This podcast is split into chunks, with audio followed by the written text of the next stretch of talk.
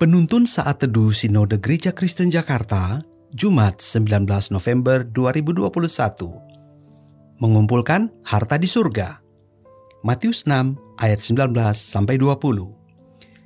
Janganlah kamu mengumpulkan harta di bumi. Di bumi ngengat dan karat merusakkannya dan pencuri membongkar serta mencurinya. Tetapi kumpulkanlah bagimu harta di surga. Di surga ngengat dan karat tidak merusakkannya dan pencuri tidak membongkar serta mencurinya. Rajin pangkal pandai, hemat pangkal kaya. Demikian peribahasa yang lazim kita dengar di sekolah dulu bukan? Ketika kita tidak memboroskan uang kita namun menabungnya dengan baik, maka pada saatnya nanti kita akan menikmati hasil jeri lelah kita dengan baik pula. Salah satu cara menabung adalah dengan berhemat. Menabung bertujuan untuk kebutuhan hidup di masa tua nanti. Bila kita termasuk orang yang rajin menabung untuk hari depan kita di bumi ini, bagaimana dengan mengumpulkan harta di surga? Apakah panggilan ini juga masuk dalam salah satu agenda hidup kita? Nas bacaan hari ini adalah sebuah ingat-ingatan dari Tuhan Yesus tentang bahaya mengumpulkan harta di bumi tanpa mengingat Tuhan. Mengumpulkan harta di bumi tanpa mengingat Tuhan hanya akan berujung pada sebuah kekecewaan. Mengapa demikian? Ya, karena harta di bumi ini fana adanya.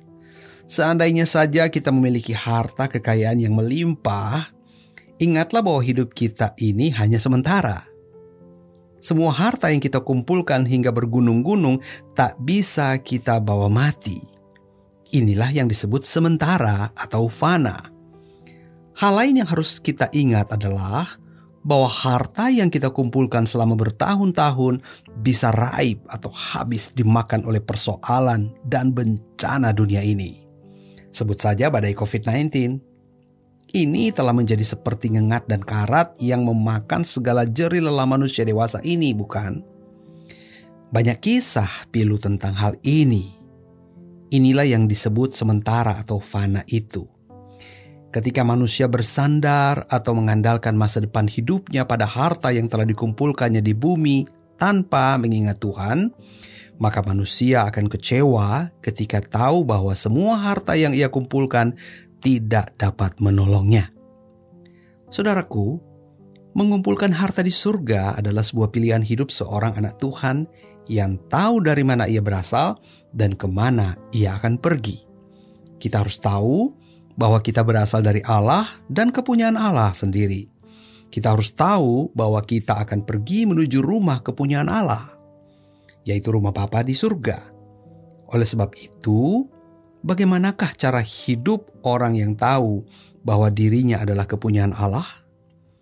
Yaitu hidup yang menyadari bahwa semua yang kita miliki adalah kepunyaan Allah yang dititipkan kepada kita.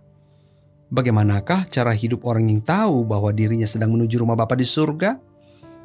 Yaitu hidup yang menyadari bahwa hidup kita adalah untuk menyenangkan Bapa kita di surga. Dan bila Kristus menyuruh kita mengumpulkan harta di surga, maka sebagai milik kepunyaannya, kerjakanlah dengan setia. Orang percaya yang sadar bahwa dirinya adalah kepunyaan Allah akan tahu memberi persembahan terbaik kepada Allah sang pemilik kehidupan ini. Tuhan Yesus memberkati.